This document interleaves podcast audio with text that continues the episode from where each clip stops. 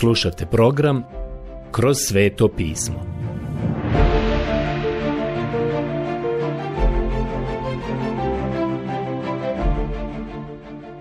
Knjiga Postanak. Odlomak Postanak, poglavlje 31, od 7. do 55. stiha. Sada dolazimo do 31. poglavlja knjige Postanka i danas ćemo započeti ovdje u 7. stihu.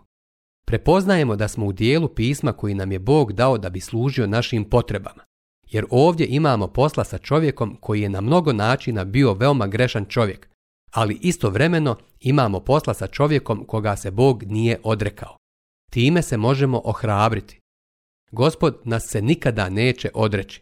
Sve dok mu budemo dolazili, on će nas primati. I ako je Bog uzeo čovjeka poput Jakova, i ako je uzeo čovjeka kao što sam ja, onda će uzeti bilo koga od vas. To je moje mišljenje. A sada krenimo dalje. Sjetit ćete se da je Jakov imao prilično tužno i teško iskustvo sa svojim ujakom Labanom i to njegovo iskustvo je trajalo 20 godina. Njegov ujak Laban mu je zaista pružio kurs i školu teških udaraca. Jadni Jakov se sada počinje grčiti pod svim tim pritiscima pod kojim se nalazio. On sada osjeća da mu je Bog pomogao da napreduje toliko da se Laban okrenuo protiv njega, a i Labanovi sinovi također. Jakov sada ima i poziv od Boga. Bog mu kaže da ode i Jakov poziva svoje žene zajedno, Rahelu i Leu, kako bi o tome mogao razgovarati sa njima.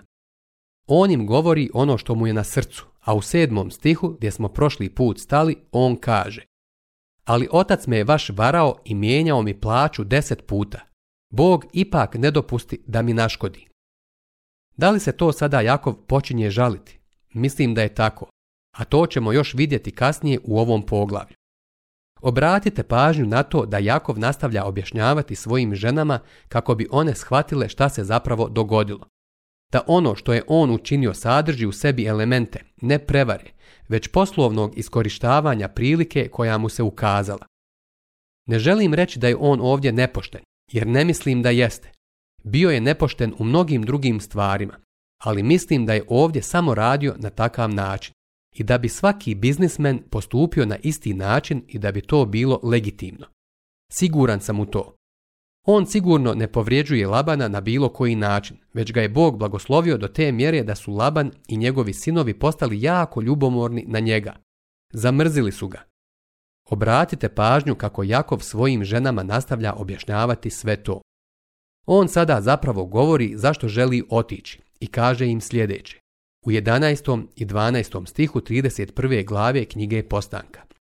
I anđeo Boži reče mi u snu, Jakove, a ja odgovorih, evo me, on reče, dobro pripazi na to da svi ovnovi što skaču na ovce budu prugasti, šareni i pjegavi, ja sam doista sve vidio što ti učini Laban. Knjiga Postanka 31, 11 do 12.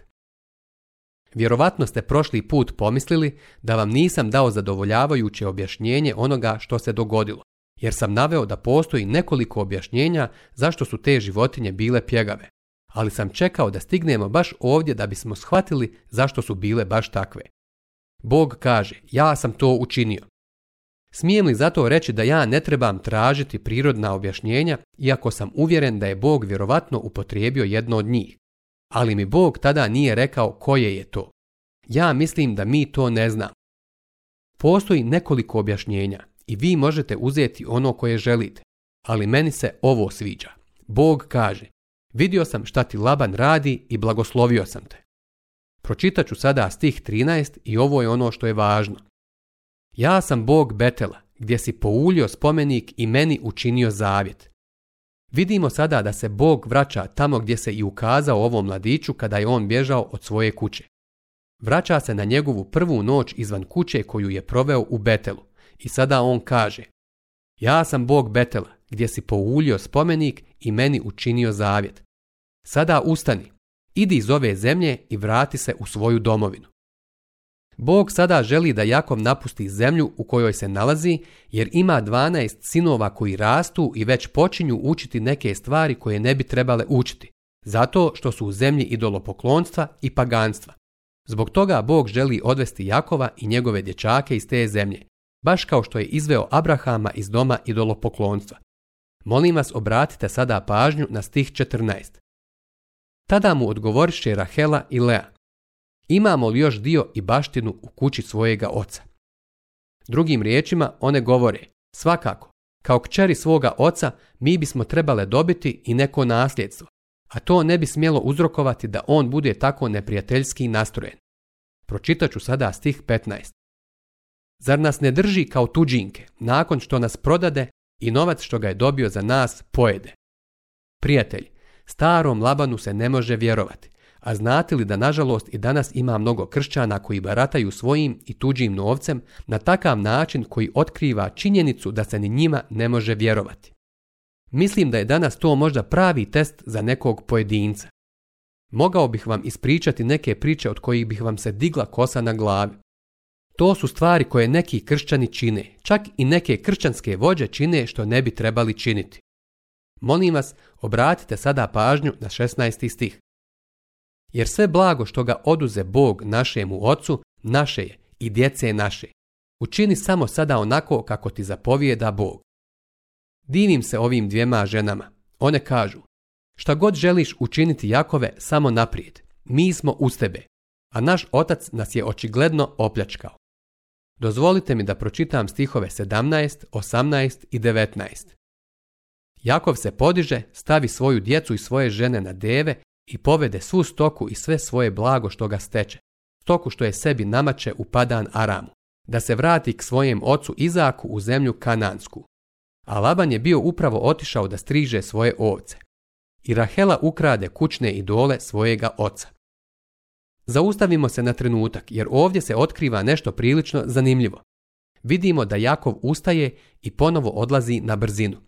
Sjetite se da je to način na koji je morao napustiti i svoj prethodni dom. Sada na isti način ostavlja svog ujaka Labana, a ovaj put on zapravo nije kriv za sve. Ali je bio kriv kada je morao napustiti svoj vlastiti prethodni dom. No, on je spreman za ovo. Uostalom, imao je praksu kada je odlazio noću sa stokom, pa tako i sada ima svu stoku i sve spremno za pokret. Spreman je izaći iz te zemlje a njegove žene očigledno nisu imale priliku uzeti mnoge stvari koje su bile njihove. Ali zapazite šta se onda dogodilo. Rahela je ukrala kumire koji su pripadali njenom ocu. Rekao sam vam da je to bio dom idolopoklonstva. Bog nije želio da Jakovljevi sinovi tamo odrastaju. Ali vidite ovdje da je Rahela bila odgojena u domu idolopoklonstva i osjećala u skladu sa time i željela je ponijeti ili povesti svoje bogove sa sobom kako primitivno i pagansko shvatanje je imala. Jadni Jakov je mislio da je pobjegao od Boga kada je otišao u Betel. Bog mu se tamo ukazao i on je otkrio da se ne može pobjeći od Boga. Zapravo, David je pisao o tome. David je rekao, ako na nebo uziđem, ti si tamo. Ako se spustim u podzemlje, gle, i ondje si. Psalam 139.8 Smrt vas neće odvojiti od Boga.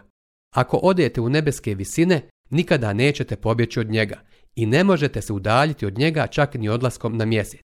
Jednostavno se ne možete udaljiti od Boga, to je sve.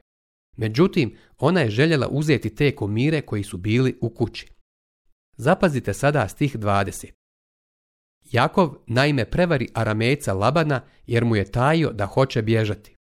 On je čekao da Laban izađe da striže svoje ovce. Vjerovatno je otišao poprilično daleko od kuće jer su ovce tog dana pasle na vrlo velikoj površini, a još uvijek to rade.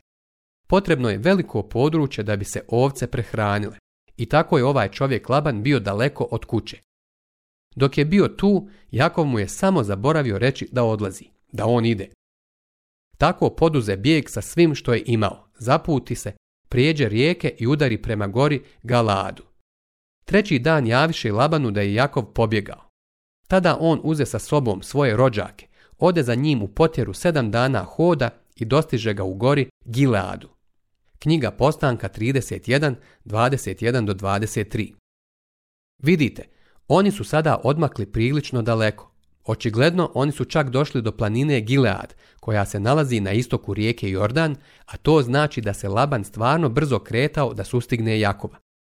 Laban u tom trenutku nije mislio ništa dobro što se Jakova tiče. Mislim da je bio dovoljno ljut da ga ubije i da bi ga ubio da se Bog nije umiješao. Pročitat ćemo sada stih 24. Ali se Bog javi Aramejcu Labanu noću u snu i opomenu ga. Pazi dobro da ne govoriš s Jakovom ni dobro ni zlo. Drugim riječima, budi vrlo oprezan šta govoriš i činiš. Kad eto Laban dostiže Jakova, Jakov je bio razapeo svoj šator na gori i Laban s rođacima svojim razape svoj šator na gori Gileadu. Knjiga Postanka 31.25 Poslušajte sada šta kaže ujak Laban. On je pametan prevarant. Evo ga kako dolazeći bljuje vatru i oganj, želeći ne samo povratiti sav taj Jakovljev imetak i uzeti ga natrag, već vjerovatno želi ubiti Jakova i uzeti natrag svoje dvije kćeri i njihovu djecu. Bog je morao intervenisati da zaštiti Jakova. Poslušajte sada stih 26. Kako je samo Laban ovdje pametan, inače on je pravi diplomata. I reče Laban Jakovu, što učini? Ti me prevari i odvede moje kćeri kao ratne zarobljenice. Knjiga Postanka 31.26 Ovim je želio uzrokovati da se Jakov osjeća prilično loše što je tako otišao. Zašto tajno pobježe i pokrade me? niti mi što reče da te ispratim s radošću i s pjesmom, s bubnjevima i harfama. Knjiga Postanka 31.27 Zašto stric Laban kaže, priredio bih ti divan ispraćaj, zaista bih priredio sjajnu proslavu i lijepo bismo se oprostili od tebe. To je ono što on ovdje sada govori. Mislim da on to ne bi učinio. I poslušajte ga šta je još rekao. On sada ide na osjećanja. Čitamo sada stih 28 niti mi dade da izljubim na rastanku svoje unuke i svoje kćeri. Doista, ludo si radio. Unuci su onih 12 Jakovljevih sinova koji će uskoro postati veoma značajni u istoriji ovog svijeta. Niti mi dade da izljubim na rastanku svoje unuke i svoje kćeri. Mogao bih sada da s vama zlo postupam, ali Bog oca tvojega prošle noći reče mi, pazi da ne govoriš s Jakovom ni dobro ni zlo. Laban mu je dao do znanja da nije mislio dobro postupiti sa njim, ali ga je Bog spriječio da učini nešto loše. Sada ćemo pročitati stih 30. Pa dobro, eto otišao si, jer si se zaželio očeve kuće, ali zašto mi ukrade moje bogove? To je smiješna vrsta Boga koga možete ukrasti. Jakov odgovori Labanu. Jest, bojao sam se jer sam mislio da bi mi ti mogao oteti svoje kćeri. Knjiga Postanka 31.31. 31. Jakov ne odgovara da je uzeo bogove. Nije znao da ih je zapravo Rahela uzela. Ono što on odgovara jeste sljedeće. Zašto si pobjegao, a da me nisi obavijestio i da ti priredim ispraćaj? Jakov je rekao, bojao sam se da ako bih htio otići, da mi ne bi dopustio da povedem tvoje kćeri, svoje žene, svoju porodicu i sve ono što mi pripada. Ne bi mi to dopustio. Čitamo sada stih 32 a u koga nađeš svoje bogove, taj neka ne živi više. Pretraži samo pred našim rođacima sve što imam kod sebe, pa ih uzmi sebi. Jakov naime nije znao da ih je Rahela bila ukrao. Vidite, Jakov je bio toliko siguran da oni nisu učinili tako nešto. Ali ako mislite da je Laban vjerovao Jakovu, varate se. Nije mu vjerovao. Ni Jakov nije vjerovao Labanu. Nisu imali povjerenja jedan u drugoga. Možda bi vjerovali da je to bilo lijepih, ugodnih i kratkih 20 godina, ali nije tako bilo. Obratite pažnju na to šta je bilo dalje. Laban uđe u šator Jakovljev i u šator Lejn i u šator obiju sluškinja, ali ne nađe ništa. Izađe iz šatora Lejna i uđe u šator Rahelin.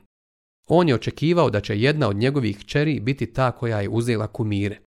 A Rahela je bila uzela kućne idole, pa ih stavila pod samar svoje deve i sjela na njih. I Laban pretraži sav šator, a ne nađe ništa. Knjiga Postanka 31, 34. Prilično pametna djevojka, zar ne? Bila je pametna na svog oca. Ona je uzela te kumire i stavila ih u samar svoje deve, odnosno ono što je bilo na devinim leđima, a onda je sjela na njih i Laban pretraži sav šator, a ne nađe ništa. Poslušajte sada Rahelu. A ona reče svome ocu, nemoj mi zamjeriti gospodaru što ti ne mogu ustati, jer je meni što u žena biva. On je tražio dalje, ali ne nađe kućnih bogova. Knjiga Postanka 31.35 Zašto? Jer je ona sjedila na njima. Ona kaže, žao mi je, ali ne mogu ustati. Danas se ne osjećam dobro. A ona sjedi na kumirima. Smijem li reći da je ovo zaista veoma realističan prikaz o ovoj porodici? Molim vas obratite sada pažnju na stih 36. Tada se razljuti Jakov i udari na Labana. Ovako progovori Labanu. Koja je moja krivnja i koji moj prekršaj da me tako žestoko progoniš? Sada je Jakov dobio malu prednost u ovom konfliktu jer Laban nije pronašao pomenute kumire i mislio je da nisu nigdje u blizini. Iskreno, on je sada želio ukoriti svog punca koji je došao u potjeri za njim. Poslušajte sada njegovu pritužbu. Ovo je kurs koji je Jakov već položio, a sada ovdje diplomira i dobija fakultetsku diplomu. Diplomu na fakultetu teških udaraca. Molim vas poslušajte sada stih 38. Ima već 20 godina što sam bio kod tebe. Ovce i koze tvoje nikad se ne izjaloviše i nikad ne pojedoh tvojeg ovna. Drugim riječima, on čak nije dobio ni svoje obroke. On je morao platiti za to. Što bi zvijer rastrgala, nikada ti ne donesoh. Sam bih uvijek podmirio štetu. Od mene si utjerivao što bi mi bilo ukradeno danju ili noću. Knjiga Postanka 31.39 Jakov nije čak mogao dobiti ni bilo kakvo osiguranje. Kada bi Janje ukrala ili ubila neka zvijer ili divlja životinja, Jakov je morao platiti za to. Vjerujte mi, ovaj Laban, on je bio jako težak poslodavac, zar ne? Sada ga poslušajte. Čitamo stih 40. Danju me ubijala žega. Nije imao godišnji odmor u ljeto, a noću mraz.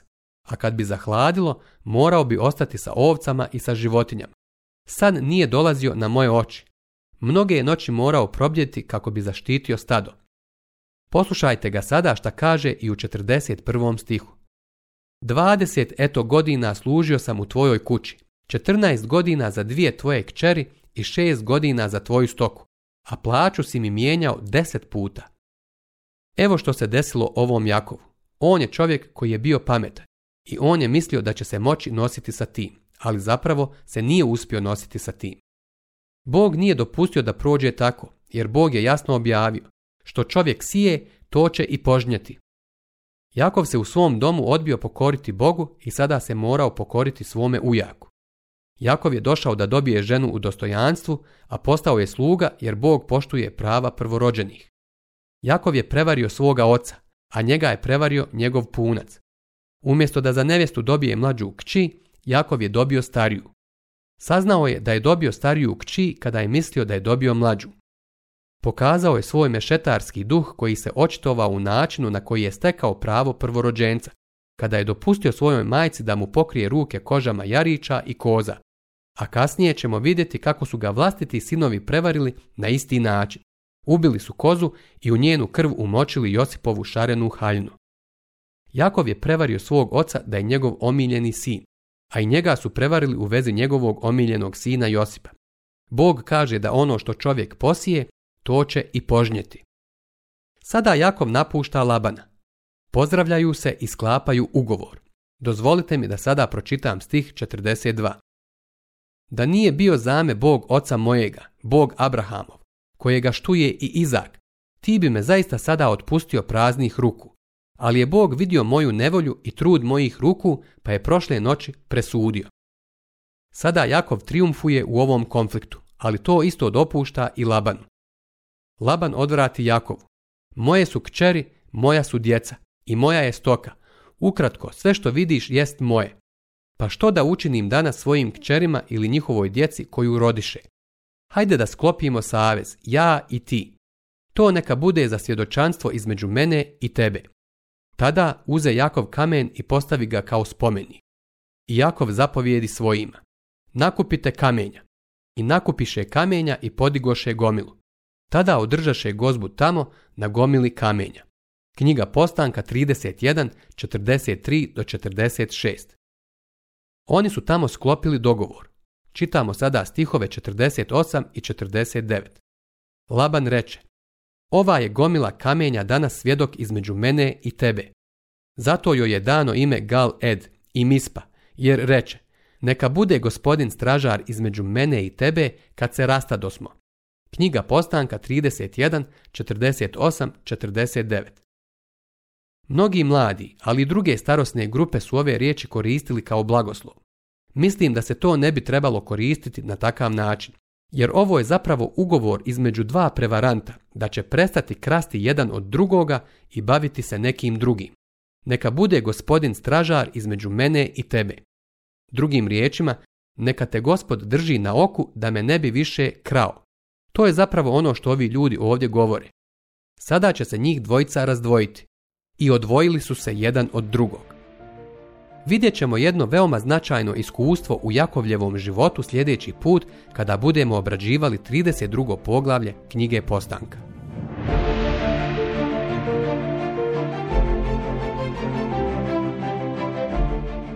Slušali ste emisiju Kroz sveto pismo.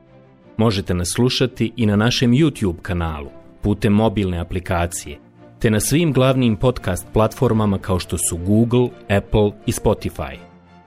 Ako vam se naši programi dopadaju, preporučite ih i podijelite s drugima.